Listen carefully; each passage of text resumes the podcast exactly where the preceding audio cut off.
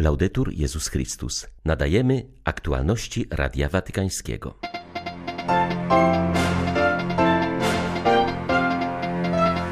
Nie można żądać od zaatakowanej Ukrainy, by zrezygnowała z broni, nie domagając się tego najpierw od agresora, powiedział watykański sekretarz stanu, podkreślając, że papież robi wszystko, by zakończyć wojnę. Mija 80 lat od zamordowania świętej Teresy Benedykty od Krzyża. W Auschwitz-Birkenau odbywają się uroczystości z udziałem papieskiego wysłannika. Na Jasnej Górze trwa pielgrzymkowy szczyt. Codziennie docierają tysiące pieszych pątników. 9 sierpnia witają Państwa Beata Zajączkowska i ksiądz Krzysztof Ołdakowski. Zapraszamy na serwis informacyjny. Wspólne cierpienie zawsze wzmacnia więzy przyjaźni i solidarności, mówi kardynał Pietro Parolin, pytany o relacje między różnymi kościołami na Ukrainie w tym wojennym czasie.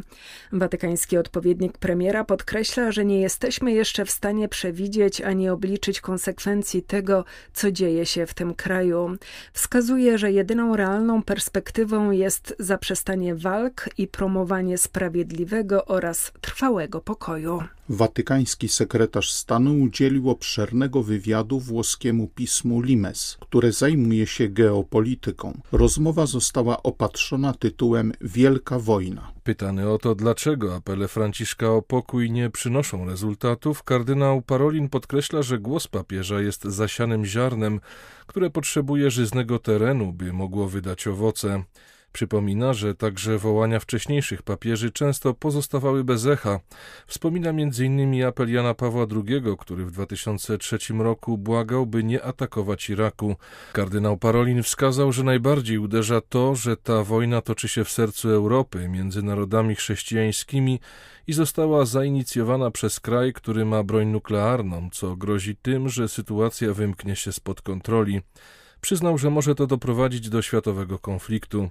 Tysiące ofiar śmiertelnych, zniszczone miasta, miliony przesiedleńców, ryzyko głodu z powodu braku zboża w tak wielu częściach świata, kryzys energetyczny, wylicza kardynał Parolin, zastanawiając się, jak to jest możliwe, że nie uznajemy, iż jedynym realnym wyjściem jest zaprzestanie walk i promowanie sprawiedliwego oraz trwałego pokoju.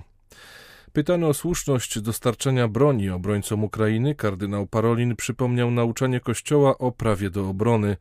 Podkreślił jednocześnie, że nie można domagać się od zaatakowanej strony, by zrezygnowała z broni, nie domagając się tego najpierw od agresora, który stoi za atakami. Podkreślił też, że Kościół jest pacyfistyczny, bo wierzy w pokój i walczy o pokój.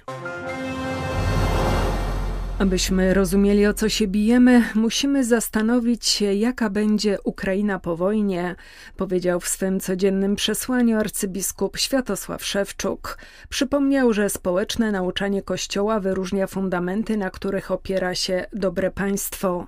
Są to poszanowanie ludzkiej godności, solidarność, dbałość o dobro wspólne oraz zasada pomocniczości. Rosjanie za nic mają rzeki krwi, góry trupów i morza łez, ale my się nie poddamy zapewnił arcybiskup Szewczuk. Wspominamy dziś wielkiego męczennika Pantalejmona Uzdrowiciela, za wstawiennictwem którego modlimy się szczególnie za pracowników medycznych. Chciałbym zwrócić się dziś ze słowami szczególnej wdzięczności do lekarzy, sanitariuszy i pielęgniarek. Dziękuję Wam za ratowanie ludzkiego życia. Szczególnie wdzięczny jestem naszym medykom wojskowym za ich heroiczną służbę. Z narażeniem swojego życia spieszą, by na polu walki ratować rannych. To właśnie od tej pomocy udzielonej w pierwszych minutach po zranieniu najczęściej zależy życie żołnierza. Sam Chrystus przez Wasze ręce dotyka ran naszego narodu. Niech przez Waszą służbę dobry Bóg ratuje synów i córki Ukrainy. Boże, błogosław naszych pracowników medycznych, synów i córki Ukrainy. Przez ręce naszych lekarzy ratuj rannych i chorych, a naszą ziemię pobłogosław pokojem. Dramat wojny dotyka milionów Ukraińców, którzy walczą o przetrwanie. Batalia przejawia się także w Solidarności. Przykładem pozytywnego działania i pokonania strachu jest historia utworzenia w Charkowie kolarskiej grupy wolontariuszy, którzy objeżdżają miasto i dostarczają starszym i niepełnosprawnym rodakom rzeczy niezbędne do przeżycia. Aleksander przez długi czas nie mógł uwierzyć, że wojna faktycznie dzieje się na jego oczach. Stopniowo realia walki uświadamiały mu powagę sytuacji. Starsze osoby z jego bloku poprosiły, by pomógł im w zrobieniu zakupów. Nie wahał się, a ponieważ jego pasją jest sport, wsiadł na rower i szybko objechał okolice, zdobywając niezbędne produkty. Tak powstała rowerowa grupa wolontariusze. Z początku pomagali 70 osobom, z czasem sieć rozrosła się do blisko tysiąca. Codziennie ryzykują życiem. Aleksander przyznaje, że z początku myślał o wyjeździe z Charkowa, ale możliwość pomagania sprawiła, że postanowił zostać. Po tym jak pierwszy i drugi raz pomogłem ludziom, zrozumiałem, że odnalazłem siebie na nowo. Dopóki mam możliwość, chcę nadal pomagać. Poza tym ruch i kolarstwo to moja wielka pasja, moje życie, dlatego mogę się ruszać i robić to, by pomagać innym. Ten zespół, z którym jesteśmy wolontariuszami, stał się dla nas prawdziwą rodziną. Pomagamy sobie i wspieramy się nawzajem. Oprócz wolontariatu również razem odpoczywamy. Oznacza to, że spędzamy razem dużo czasu. W czasie pokoju przejechanie 200 kilometrów na rowerze było dla nas przyjemną przejażdżką i choć organizm się męczy, to odpoczywa od codziennej pracy i innych rzeczy. Teraz, w czasie wojny, wiele osób dzięki sportowi utrzymuje równowagę, odnajduje spokój i może planować jutro. Inni, jak nasza drużyna, zamienia sport w dobre czyny. Czas wojny na Ukrainie to dodatkowy stres i trudności dla rodzin, które zmagają się z niepełnosprawnością dzieci. Fundacja Dajmy Nadzieję, działająca przy lwowskiej katedrze, pomimo wojny i problemów socjalnych, jakie wokół niej narosły, prowadzi nieprzerwanie hospicjum domowe dla dzieci i pomaga uchodźcom z regionów Ukrainy objętych wojną. Lwowska Fundacja Dajmy Nadzieję to jeden z przykładów działalności charytatywnej, jaka pomimo wojny jest kontynuowana, a nawet poszerzyła swoją działalność o pomoc uchodźcom wojennym. To było i wezwanie dla fundacji, praca podczas wojny, bo nie przestaliśmy pracować, tylko trochę zmieniliśmy ten nasz tryb. Mówi Irena Zenkner-Hałamaj, prezes fundacji. Ale i dla rodzin. Niektóre rodziny wyjechały do Polski, ale już wróciły. Ktoś jeszcze pozostał, ale te, co tutaj zostały, to staraliśmy się ich podtrzymywać. Pani doktor przyjeżdżała. Te wszystkie rzeczy, które potrzebują, na przykład pampersy, wyżywienie, to bardzo dużo otrzymaliśmy z Polski, za co bardzo dziękujemy za to, że podtrzymali nas i nasze rodziny. Fundacja opiekuje się dziećmi hospicyjnymi, które wymagają ciągłej opieki. Wojna spotęgowała strach i obawy o przyszłość. Te rodziny i tak mają każdego dnia stres, a tutaj jeszcze wojna to dało taki odcisk na ich codzienne życie, ale tutaj mamy też spotkania z psychologiem i staramy się omówić tą całą sytuację. Wśród uchodźców wojennych znalazły się osoby nie tylko z ograniczeniami fizycznymi, ale także cierpiące na schorzenia psychiczne. Oni też wymagają często opieki bardzo specjalistycznej co nie jest łatwe w obecnej sytuacji. Pomimo to ośrodki prowadzone przez kościelne fundacje oraz oddziały Caritasu w różnych miejscach Ukrainy starają się w miarę swoich możliwości zabezpieczyć konieczną pomoc. Zelwowa dla Radia Watykańskiego ksiądz Mariusz Krawiec, Paulista. Niezwykle poważna jest sytuacja w Jemenie. Mimo trwającego od czterech miesięcy rozejmu, konsekwencją paroletniej wojny domowej jest nadal potężna zapaść gospodarcza.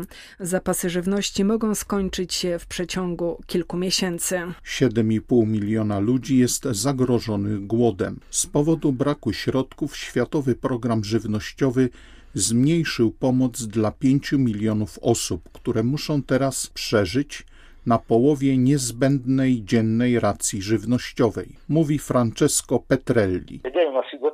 Rozejm przyniósł pewną ulgę ludności, umożliwiając też docieranie pomocy humanitarnej, szczególnie dla najbardziej poszkodowanych grup.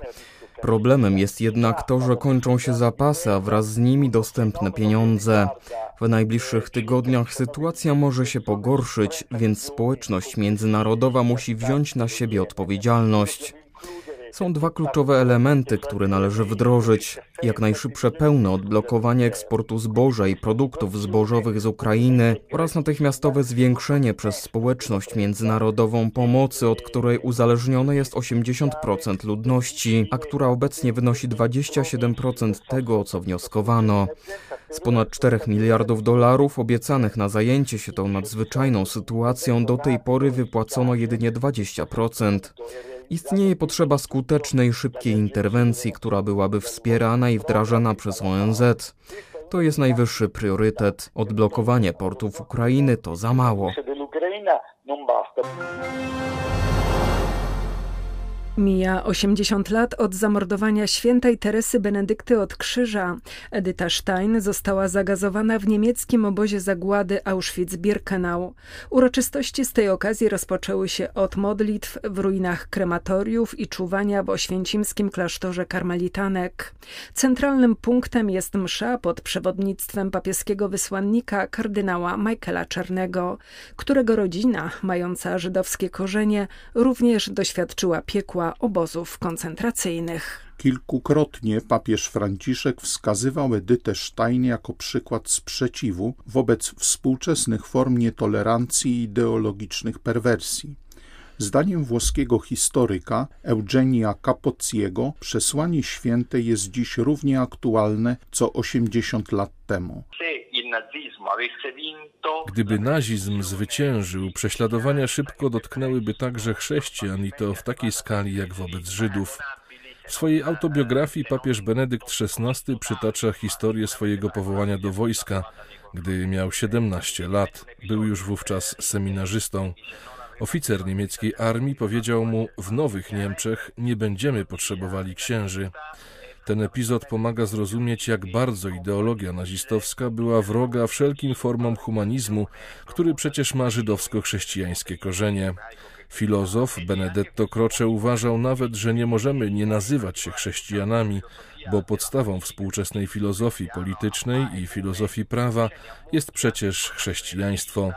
Edyta Stein przypomina nam, że to właśnie chrześcijaństwo stanowi najsolidniejszą barierę przeciw nieludzkim wynaturzeniom totalitarnych ideologii i reżimów. Z przypomnieniem, że podróżuje się z miejsca do miejsca, pielgrzymuje zawsze od osoby do osoby, na Jasną Górę dotarła piesza pielgrzymka dominikańska. W czasie siedmiu dni drogi rozważali słowa idźcie i głoście, dziękując także za 800 lat posługi w Polsce braci kaznodziejów. W grupach ciszy, pokuty, uwielbienia rodzinnych, studenckich i tych dla młodzieży przyszło ponad tysiąc osób. Nowością była wspólnota Rafael adresowana do tych, którzy szukają swego miejsca na ziemi, rozeznając powołanie. Rafael oznacza Bóg uzdrawia i my idziemy tutaj po uzdrowienie naszych serc, naszych myśli, tych wszystkich spraw, które są w nas niepoukładane. Chcemy znaleźć powołanie, to potrzebujemy znać siebie i potrzebujemy też być z innymi i powołania w pojedynkę się nie odkrywa. Pielgrzymce dominikańskiej szedł też przełożony najmłodszej wspólnoty zakonnej, która powstała w czasie wojny w Chmielnickim na Ukrainie, co, jak zauważają pątnicy, jest znakiem, że w ciemności wojny jest światło Chrystusa, także w postaci nowej wspólnoty. Przeor Jasnej Góry nazywa pielgrzymki piesze laboratorium życia i wiary, dziękuję za podjęty trud i zaprasza do wspólnego przeżywania uroczystości w niebowzięcia Najświętszej Maryi Panny. Odpust będzie przypomnieniem, że Bóg kocha każdego człowieka i czasem wspólnego wołania przez wstawiennictwo Maryi o pokój. Dla Radia Watykańskiego Izabela Tyras, Biuro Prasowe Jasna Góra News. Były to aktualności Radia Watykańskiego. Laudetur Jezus Chrystus.